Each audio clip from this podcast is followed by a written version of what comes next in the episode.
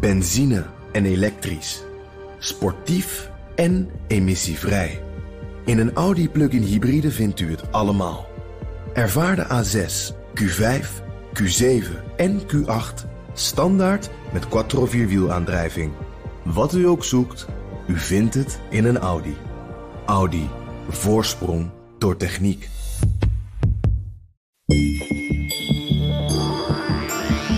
Het was even wennen toen de Chinese minister van Buitenlandse Zaken vorige week de Amerikanen verweet dat zij niet integer zijn bij de besprekingen over de handelsoorlog. En van Donald Trump zijn we natuurlijk gewend dat hij om zich heen twittert, wild en wel, maar niet van Chinese diplomaten of ministers. En toch, ook dat gebeurt. En een paar maanden geleden kocht de Chinese ambassadeur in ons eigen land nog advertentieruimte in een krant voor een brief aan Nederland. Dus ook hier laat de Chinese overheid ineens van zich horen. Daarom vandaag in deze China-podcast de vraag: waarom nemen de Chinezen geen blad meer voor de mond? Mijn gasten zijn oud-ambassadeur in China, Dirk-Jan van den Berg, welkom. En China-expert Henk Schulte-Noordholt. Welkom terug. Dankjewel. Ik ben Mark Beekhuis en deze podcast wordt mogelijk gemaakt door het Leiden Asia Center. Laten we beginnen met uh, de meest simpele vraag. Nou, dat is ook een hele grote vraag meteen. Bestaat er zoiets als een Chinese methode in de diplomatie? Vraag ik dan aan uh, Dirk-Jan. Het is niet zozeer een Chinese methode, het is meer een Chinese opstelling. En uh, de Chinezen die werken heel uit, erg vanuit het beeld van het Middle Kingdom. Er is een vanzelfsprekendheid, zij zijn er. China is het centrum van de wereld. Centrum van de wereld. Dat is niet dat ze dat willen. Uh, uh, projecteren op de rest van de wereld, maar het is er wel. Dus ze zijn eigenlijk het liefste rustig en bewegen rond hun belang van het Middle Kingdom. En hopen dat anderen mee willen doen, dan dat ze op de borst trommelen en zeggen van nu moet iedereen worden zoals China. Dat is niet hun streven. Ze gaan ervan uit dat ze het zijn misschien wel? Uh, op in hun gebied ja, maar niet in West-Europa of in Afrika of waar dan ook. Ja, een uitgesproken diplomaat is bijna contradictio in terminis. En dat was vroeger zeker zo voor Chinese diplomatie. Je merkt inderdaad dat sinds een jaar ze steeds uitgesprokener worden. De Chinese ambassadeur in Amerika, meneer Tsui Tiankai, die gaat zelfs uh, bedient zich van Twitter.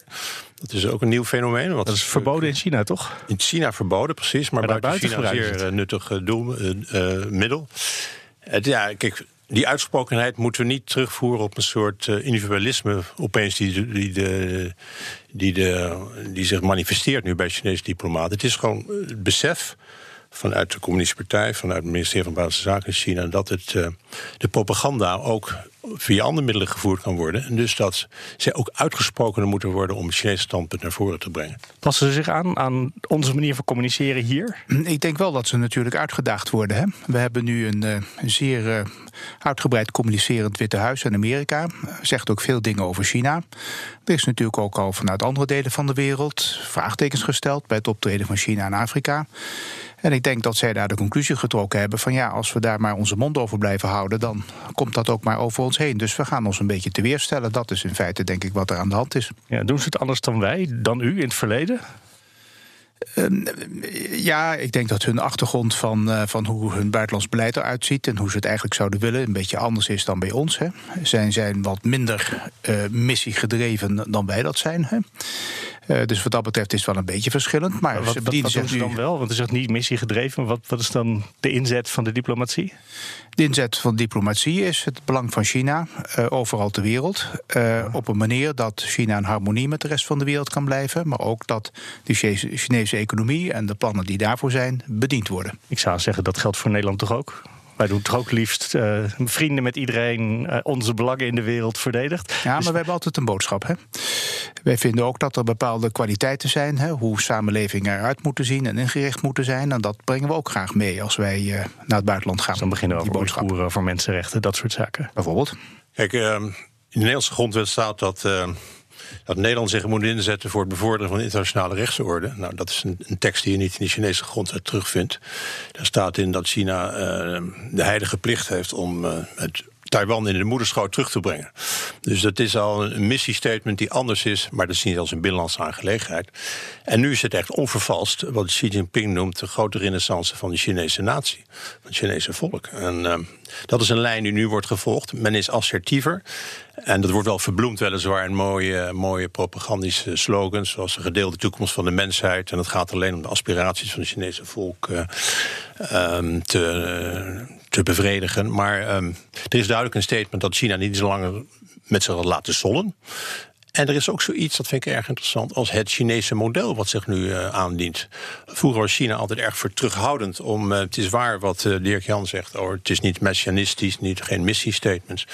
Maar Xi Jinping heeft gezegd in het, volks, het partijcongres in, in, oktober 2017, die wordt eens in de vijf jaar gehouden, dat China wel een voorbeeld zou kunnen zijn voor andere landen in de wereld die zich versneld economisch willen ontwikkelen en die, niet, en die hechten aan hun soevereiniteit. Dus eigenlijk is dat vrij uitgesproken van uh, nou, het Chinese model, de eenpartijstaat, wat ook wel een beetje een consensus wordt genoemd, dat heeft bepaalde voordelen die misschien niet alleen voor China goed hebben gewerkt, maar ook misschien voor andere landen interessant zouden kunnen zijn. Maar, maar net hoort nog dat China zich helemaal niet bezighoudt met het wel dan niet verspreiden van democratie. Maar nu beschrijf je eigenlijk dat ze daar. Nee, maar dit klinkt eigenlijk als dat ze wel een vergelijkbaar soort doel hebben. Alleen een andere richting op dan wij dat zouden nou, ze, ze, komen niet een ander land binnen en zeggen van...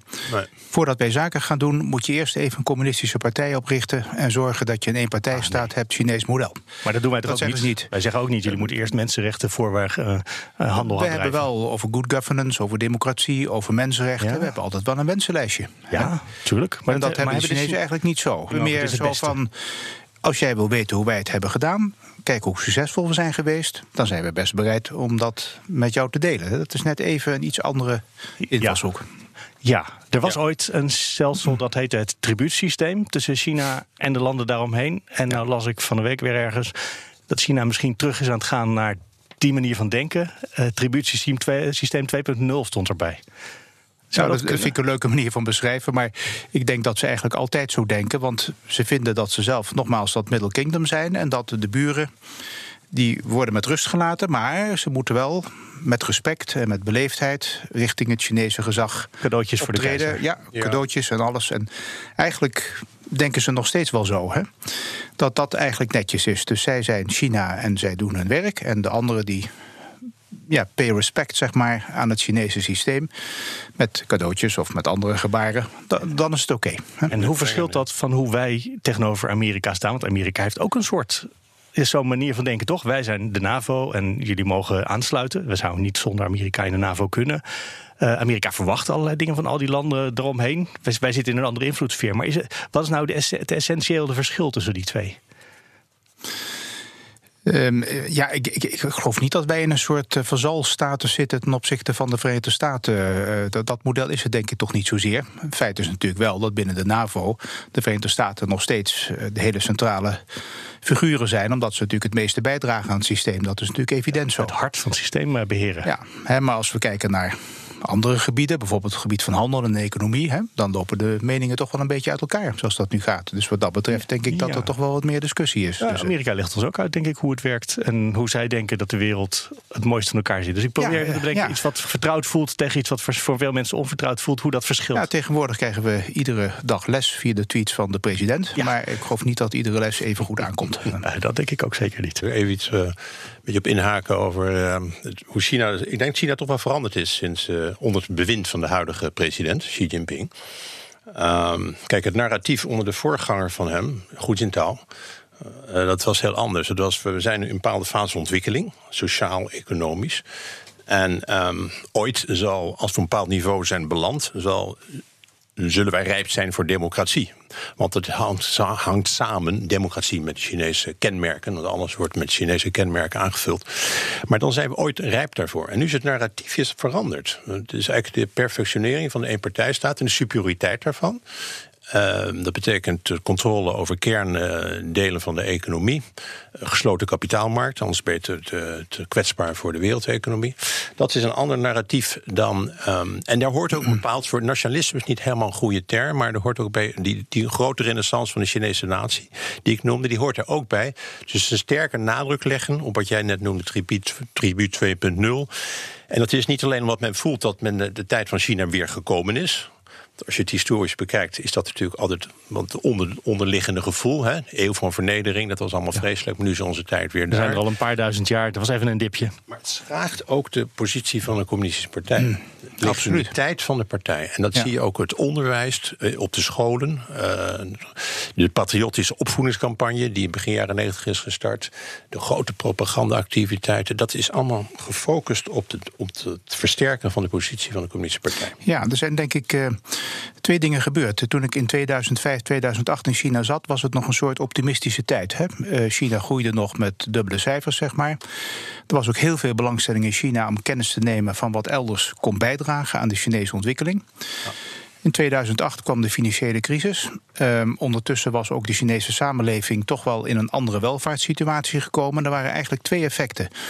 De Chinezen konden waarnemen dat waarvan ze dachten dat het toch een interessant mondiaal systeem was, financieel systeem, toch niet zo vreselijk goed werkte. Want ze vonden hoe het in Amerika ging, hoe het in Europa ging, met Griekenland eh, eigenlijk zeer zorgwekkend. Gezien ook ondertussen de financiële belangen die ze in de wereld hadden. Want er was al 2000 miljard aan spaargeld eh, weggezet in de wereldeconomie. Uh, dat, dat moedigde ze niet aan om uh, het denken over de Chinese characteristics los te laten, zal ik maar zeggen. En aan de andere kant was het zo dat intern was het wel heel gezellig geworden met de nieuwe welvaart. En vond toch, denk ik, de partij dat het misschien nodig was om het gezag weer wat te herstellen. Aan te trekken. Touwtjes aan te trekken. En wat je dus ook ziet uh, met de huidige president, Xi Jinping, dat is veel meer een, een situatie waarin gefocust wordt op de persoon van de president. En dat was vroeger eigenlijk niet zo. Dat was meer het collectief van het leiderschap. En uh, de reden is dat men weer behoefte heeft om de regie sterk in eigen handen te houden. Ondertussen, dat is ook wel een uh, bijzonder fenomeen om even aan te geven hoe men opeens doordrongen werd, hoe men afhankelijk was van wat er in de rest van de wereld gebeurt. Windows XP, waarvan plotsklaps aangekondigd werd dat het niet meer onderhouden werd. In China stonden aardig wat Windows XP-computers. Betekent dus dat wij zelf in die technologie ons moeten ontwikkelen, ons op moeten richten, ons op moeten doen. Dus eigenlijk van alle kanten kwamen impulsen binnen van we moeten weer zelf de regie in handen nemen.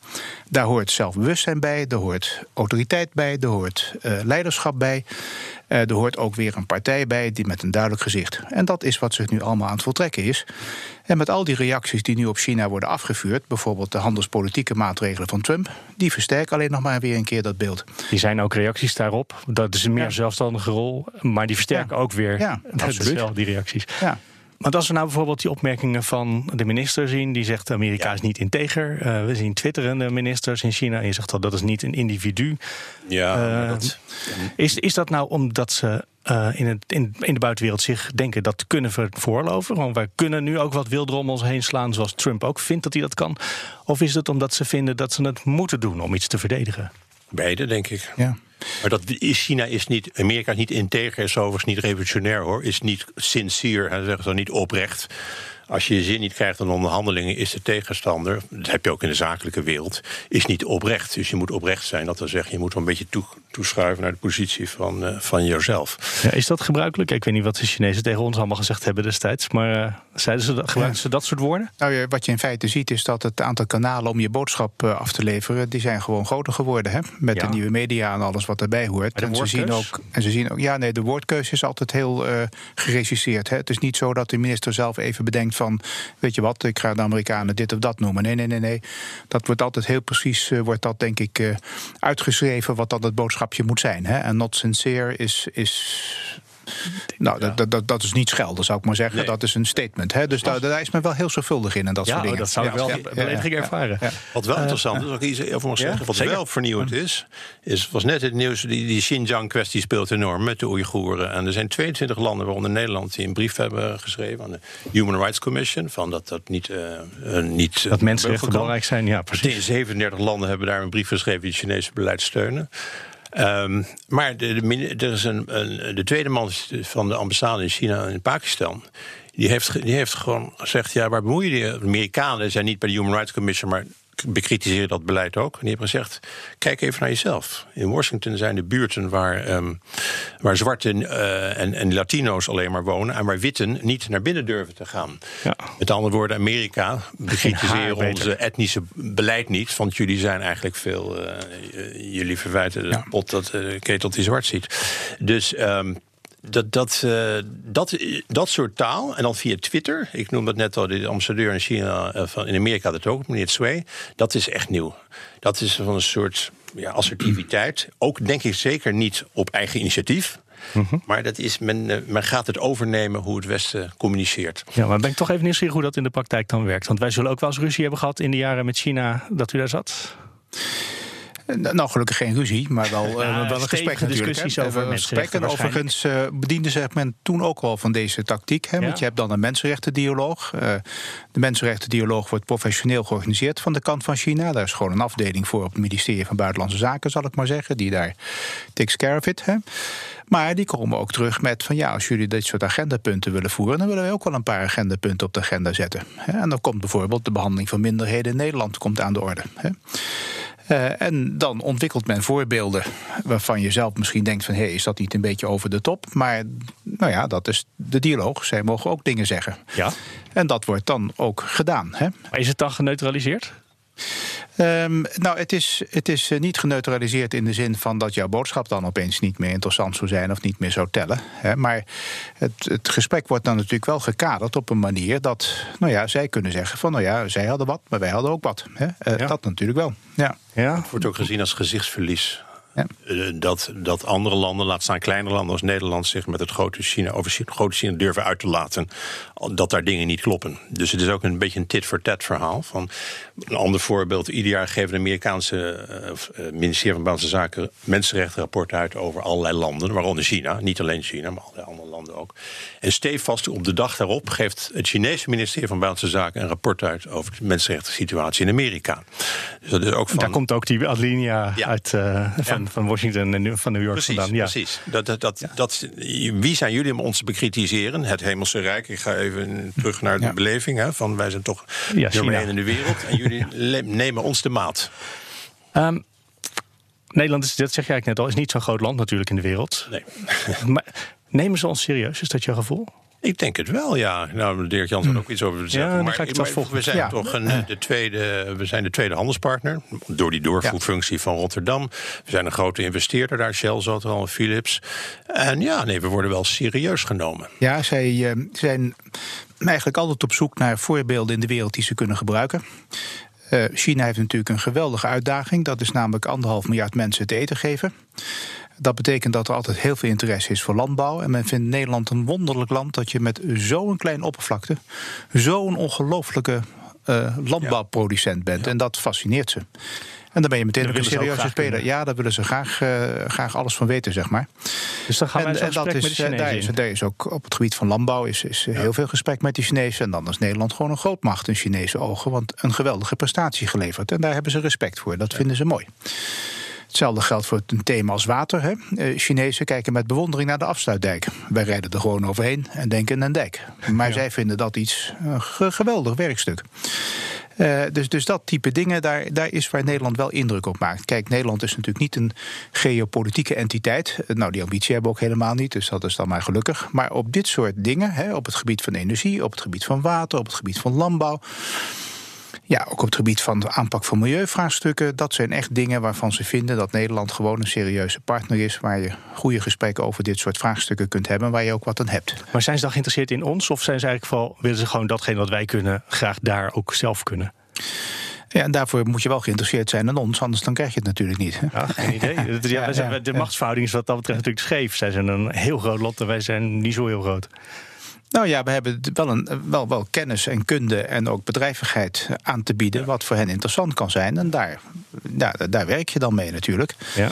En het is natuurlijk ook een land waar de overheid een andere rol speelt dan in ons land. Dus zij zijn altijd wel een beetje op zoek naar het government-to-government contact. Hè, om dit soort uh, ja, uh, samenwerkingen succesvol vorm te kunnen geven. Ja, even ja, terug naar net. Kennis, die ja? kennis die Dirk Jan beschrijft, ligt ja? natuurlijk in handen van private of semi-private partijen.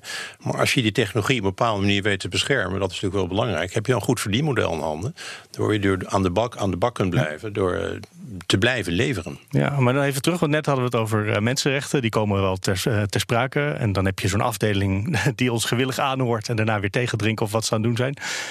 Dit is natuurlijk, uh, we kunnen ze helpen met onze landbouwkennis. En wij vinden dat ze met mensenrechten goed om moeten gaan. Dat, daar zou je iets kunnen, kunnen uitwisselen met elkaar. Hoe werkt dat? Want dat is iets dat wat je in de politiek in Nederland graag hoort, hè? Ja, maar dat gaat natuurlijk nooit zo direct. Hè? Van, we komen pas met Wageningen als jullie op het gebied van de mensenrechten dit of dat. Zo gaat het dus niet. Het, eh, het zijn gesprekken, het is een brede agenda. Uh, logisch, de agenda met China is natuurlijk breed, want het is een enorm land. Aanwezig op alle mogelijke manieren. En dat betekent dat je op al die agenda's moet zorgen dat het gesprek gaande blijft, ook op het gebied van mensenrechten. Dus het is niet zo dat je kunt zeggen van dat heeft geen zin, want dat wordt toch afgepoeierd. Dat is te simpel. Het is heel belangrijk dat de westerse wereld consequent en consistent uh, blijft, die boodschap blijft afleveren. En dat is wat we doen. het, is, het, het, is, het wordt voor hen nieuws op het moment dat wij aangeven dat we niet meer geïnteresseerd zijn in mensenrechtendialoog. Ja. Uh, en en, dat, en, dat, en dat, dat is niet het spel. Het spel is dat je het allemaal blijft doen. Ik ben één woordje aan toevoegen, consistent, maar ook collectief. Als we als Nederland voor de troepen uitlopen, dan uh, wordt het toch uh, afgeslacht, figuurlijk. Dus je moet dat in een breder verband doen, maar voor de EU natuurlijk een voor de hand liggende entiteit is. Alleen daar binnen de EU zie je ook al een verdeelde opstelling. Ja, maar nou even dat collectief. Want je zegt we moeten dat niet alleen doen, want we worden afgeslacht. Misschien wel buitengesloten bij volgende Chinese handelsmissies, denk ik dan. Want daar zit iets heel transactioneels in. Het is niet alles meer in China. Dat was vroeger. Er zijn een paar voorbeelden geweest in de jaren negentig dat we China hebben bekritiseerd vooruitlopend. Eh, ja. Voor Mierlo en ik ben eind jaren negentig. We hebben iets met de duikboot nog langer geleden. Ja, richting Taiwan hebben we nog wel gehad. Ja. Taiwan.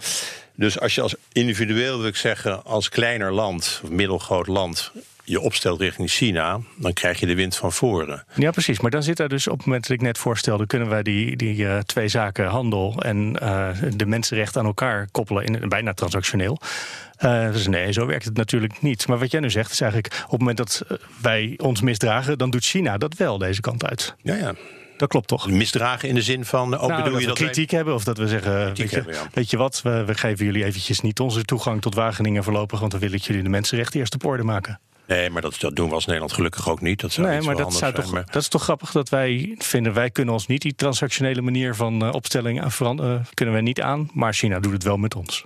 Dus mag ik hem zo samenvatten of doe ik het dan nou, kort de dit, is, dat, denk ik dat dat ook weer iets te zwart-wit gesteld is. Want ook eh, China kan niet zeggen van uh, nu mogen die en die Chinese bedrijven geen zaken meer doen met Nederland. Uh, die kunnen natuurlijk wel mopperen en zeggen van dat dat maar op een lager pitje moet.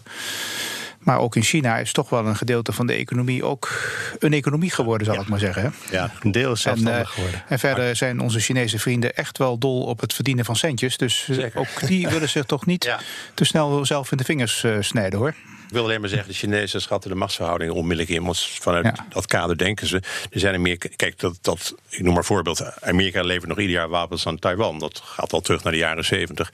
Dat moet een ander land in de wereld niet in, in, in, in zijn hoofd halen. Dan word je onmiddellijk uh, aan de schandpaal genageld. Met allerlei sancties van dien toen uh, meneer Liu Xiaobo, de Nobelprijswinnaar van de Vrede, die, die prijs kreeg uitgereikt in 2010. Toen is Noorwegen jarenlang ook in uh, is. Uh, is uh, in een moeilijke positie geplaatst. omdat er geen zalm en andere vis uh, uit, uh, uit Noorwegen werd geïmporteerd.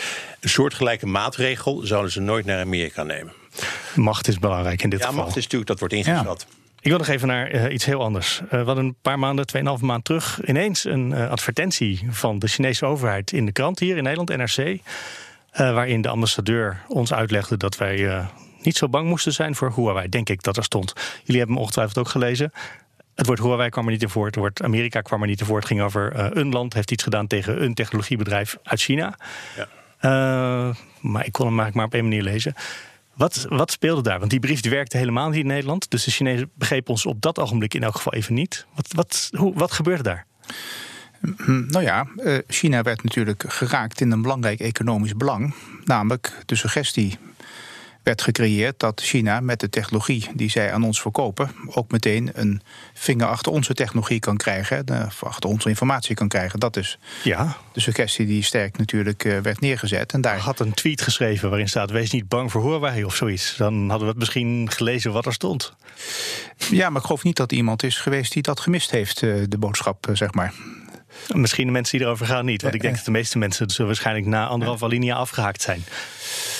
Nou, uh, heel veel bloemrijk taalgebruik. Ja, het was een Chinese opbouw ja, dat, is, ja, dat, het is man en paard, zou je zeggen. Ja.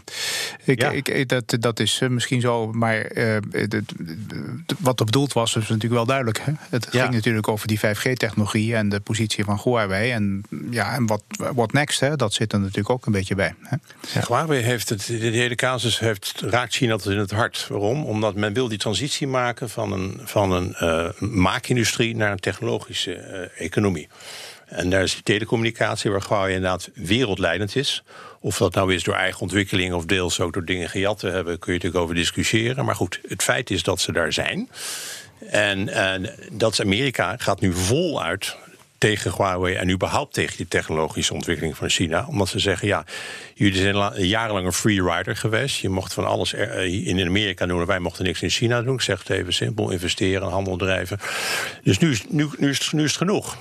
En waar China heel bang voor is, en dat is dus de opdracht weer aan die ambassadeurs in EU-landen, is dat dat virus, dat Amerikaanse virus, we moeten dat maar überhaupt Chinese technologische ontwikkeling en producten moeten we tegenhouden in onze Europese markt.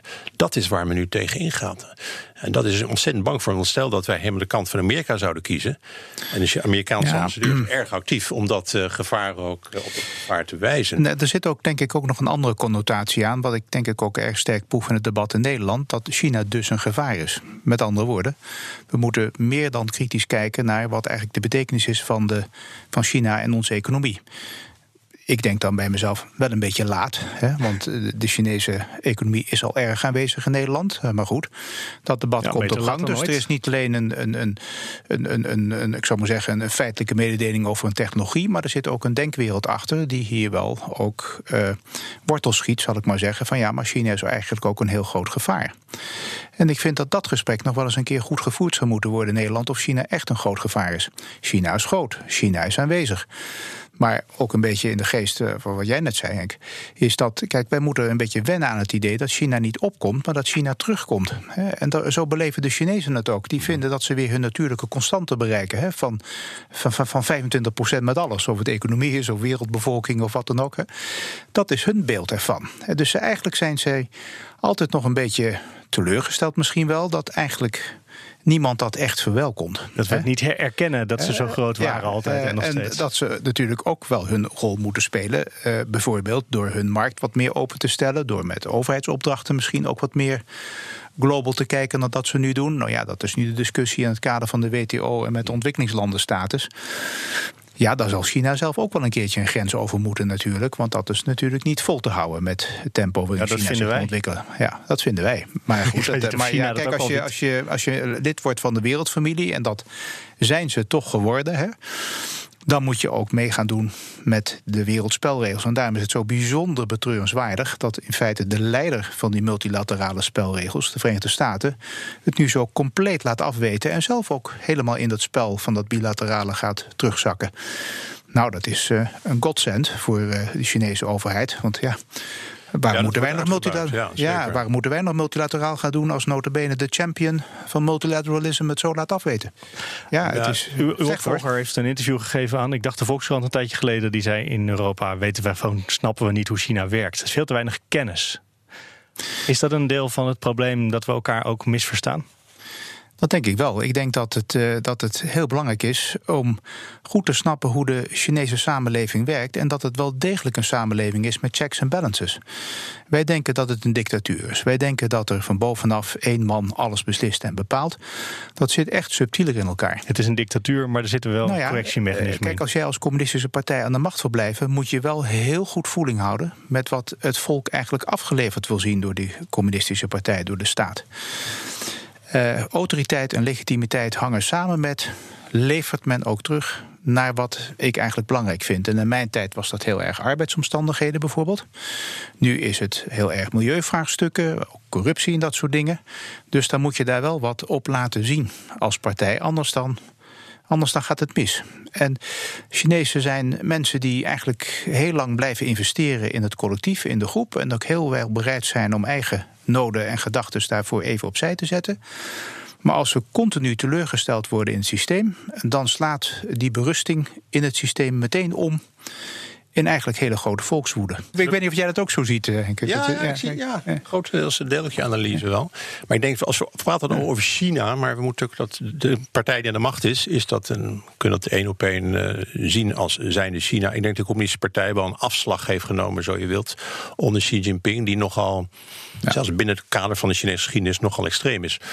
Vrij, ja, persoonsverheerlijking, we hadden het al over. Uh, propaganda op scholen, militarisering van de samenleving. En een veel assertiever beleid. En in, Europa merken we dan daar de economische gevolgen van. Maar in, in, de, in de regio merkt men ook, de, ik denk even aan de Zuid-Chinese zee, de militaire gevolgen van. Het is wel een ander soort China. En natuurlijk moeten ze die positie terugkrijgen, daar hebben ze ook recht op. Maar wat de Amerikanen, denk ik, toch wel terecht zeggen is: luister, jullie zijn in 2001, dat is al 18 jaar geleden, toegetreden tot de Wereldhandelsorganisatie. Er zijn allerlei toezeggingen gedaan. Uh, Bush, uh, Bush zei toen: uh, trade with them freely and time is on our side. Vond ik een mooie, mooie one-liner. Nou, dat is eigenlijk helemaal niet gebleken, want China is wel freely gaan traden, maar time is on our side. Bedoelde Bush mee, dan gaat China van binnenuit veranderen en meer op ons lijken. En dat is niet gebeurd. Dat is niet gebeurd. En, en bovendien is tijd in China een heel ander heel ding dan, dan, dan, dan een tijd in onze westerse wereld. Hè? Maar goed, dat ongelijke speelveld daar hebben de Amerikanen wel een punt. Want ze hebben 80, 90 procent, dat is allemaal keurig door rapporten en analisten uitgevogeld. van die toezeggingen in 2001 zijn niet gestand gedaan. Denk even aan industriële politiek in China, subsidies aan bedrijven. Het mogelijkheid voor buitenlandse bedrijven om mee te doen aan overheidsaanbestedingen.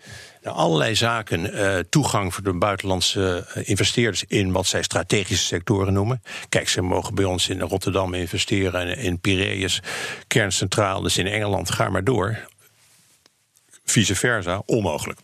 Dus dat, die ongelijkheid, waardoor ze natuurlijk enorme sprongen hebben gemaakt. van als je de, westerse wereld wil engageren, als je daar rijk van wil worden, en dat recht hebben jullie, dan moet je ook wel de spelregels, en ook de spelregels van gelijk speelveld, moet je accepteren. Ja. En daar, daar begint het nu te wringen omdat ze toch meer vanuit macht De communistische partij kan niet ten fundamentele het industriële beleid uh, aanpassen. Want dan verliezen ze in hun optiek de controle en dus de macht. Is het zo simpel? Uh, nou ja, je moet, altijd, uh, je moet altijd een beetje beginnen met naar de hoofdlijnen te kijken. Maar daar zit natuurlijk wel een dilemma. Hè? Van, van ja, als we ons openstellen voor de wereld, dan moeten we ook een beetje accepteren dat. In de grote internationale arbeidsverdeling er een uitkomst is die niet direct door de Communistische Partij beïnvloed wordt. Maar eh, die keuze hebben ze wel gemaakt hoor. Die keuze is van wij willen onze eigen toekomst vorm gaan geven. En ook er hoort ook een hele duidelijke technologiekeuze bij. Want het hele verhaal van 5G, het hele verhaal van nieuwe logistieke ketens in productie, nou dat hangt zeer nauw met elkaar samen. Ze hebben daar een onvoorstelbare databerg uh, die ook weer die hele technologie, de ontwikkeling van die hele technologie draagt en doet. Daar is men ook enorm voortvarend mee bezig. En ja, als we een ideetje hebben, dan mag het 10 jaar duren, het mag 20 jaar duren, maar dat is eigenlijk niet zo belangrijk als de uitkomst er maar is. Hè. Ik zeg altijd maar zo, de Chinese muur heeft ook 800 jaar geduurd voordat die af was. Uh, dus er is altijd wel een, een, een, een, een historisch besef dat we nu eenmaal langs lange lijnen werken. En dat doet men daar. Ja, uh, eigenlijk ja, dat, dat kennen we eigenlijk niet. Hè? Want we hebben Hadden wij ook ooit politieke kathedralen bouwden. Ja, maar wat, wat Erik Jans interessant dat, dat big data en het verzamelen van ja. uh, informatie over iedere Chinees. Ja. Dat, dat, dan, dan kom je in een bijna, laat ik zeggen, culturele botsing ja. met het Westen. Want ze hebben daar geen weerstand, geen tegenkrachten in China. Althans, die worden zeker niet toegestaan. Misschien zijn dat, is dat informatie die ik helemaal niet met de overheid wil delen. En, maar dat is wel een economisch model op gebaseerd. Dus die algoritmes die je kunt toepassen op basis van die big data. Eigenlijk is het, wordt de oude droom van iedere Chinese machthebber... Uh, wordt nu verwezenlijkt, zou je kunnen zeggen. Want je kunt toegang tot alle informatie. Ook wat mensen bijna denken, hoe ze handelen. Niet alleen politiek, maar ook sociaal. Ben jij uh, een, goede, een goede debiteur van een bank... of betaal je geld niet terug? Dan wordt allemaal in die informatie wordt allemaal opgeslagen. En daardoor kun je dus heel fijnmazig monitoren hoe het volk denkt.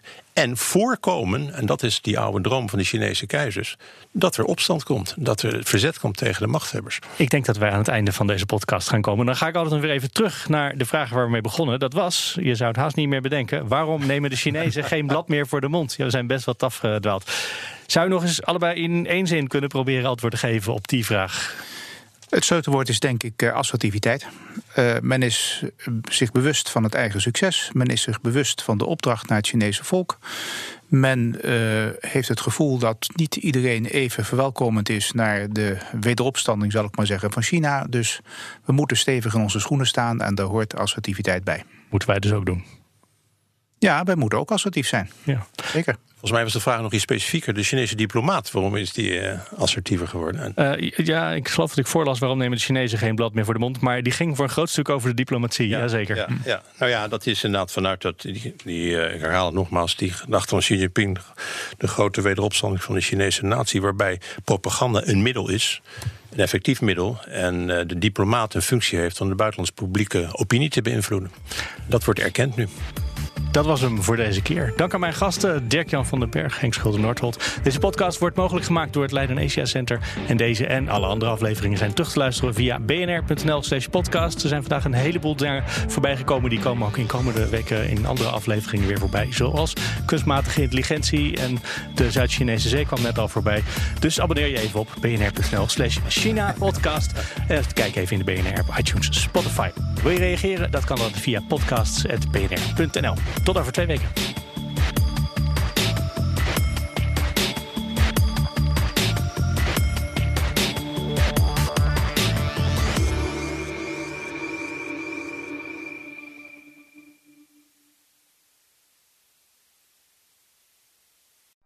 Benzine en elektrisch.